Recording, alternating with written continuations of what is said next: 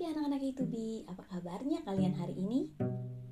Ibu Evelyn berharap kalian tetap dalam keadaan yang sehat, penuh dengan sukacita dan juga semangat. Hari ini hari Kamis tanggal 15 April tahun 2021. Kita memulai hari ini dengan membaca renungan pagi.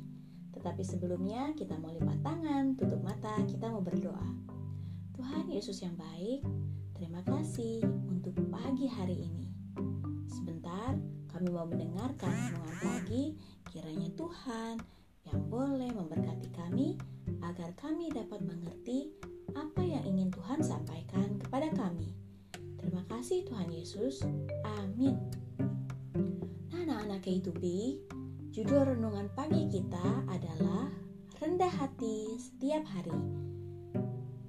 Ibu Evelyn akan membacakan satu ayat yang diambil dari 1 Korintus 4 ayat 12 sampai 13 yang berbunyi kami melakukan pekerjaan tangan yang berat. Kalau kami dimaki, kami memberkati. Kalau kami dianiaya, kami sabar. Kalau kami difitnah, kami tetap menjawab dengan ramah.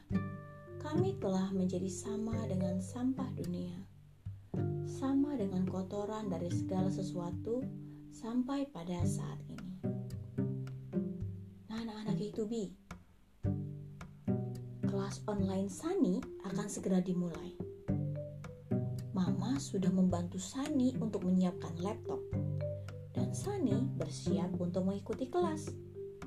Tiba-tiba adik Sani yang masih kecil datang dan mau bermain dengan laptopnya.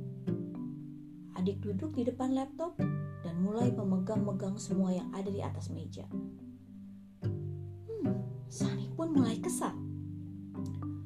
Sani lalu berkata kepada adiknya, Adik, boleh pegang-pegang laptopnya sebentar ya?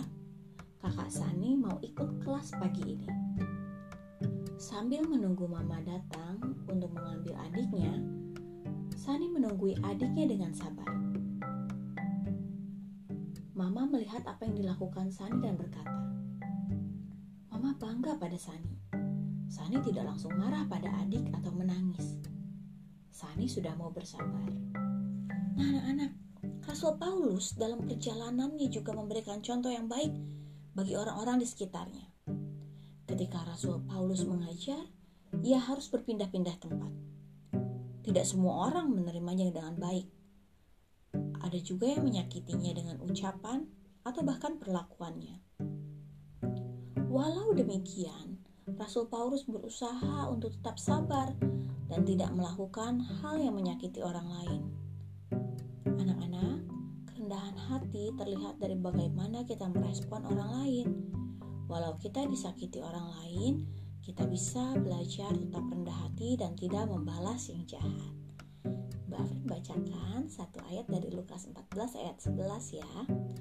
Sebab barang siapa meninggikan diri, ia akan direndahkan, dan barang siapa merendahkan diri, ia akan ditinggikan. Nah, anak-anak, sekarang kita mau lipat tangan, tutup mata, kita mau berdoa.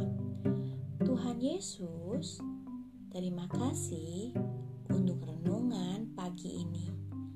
Ajar kami Tuhan untuk tetap melakukan yang baik kepada orang lain walaupun kami sedang kesal atau marah.